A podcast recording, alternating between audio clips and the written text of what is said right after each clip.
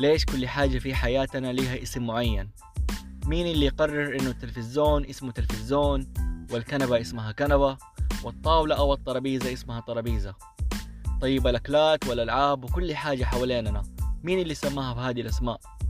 أكيد إنه في حكايات وقصص عاشوها ناس قبلنا وكانت سبب في تسمية الأشياء بالأسماء اللي إحنا نعرفها اليوم. في حكايات الكلمات راح أحكيكم كل أسبوع حكاية عن أشياء نستخدمها بشكل يومي وأكلات نحبها لكن ما نعرف السر أو القصة ورا الاسم.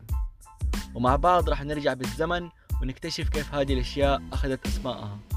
بس قبل لا نبدأ رحلتنا التاريخية حبيت أنبهكم إنه كل الحكايات مستوحاة من الخيال وما لها أي علاقة بالواقع.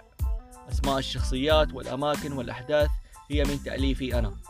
وأي تشابه مع أماكن أو أشخاص أو أحداث معينة هي أكيد بالصدفة.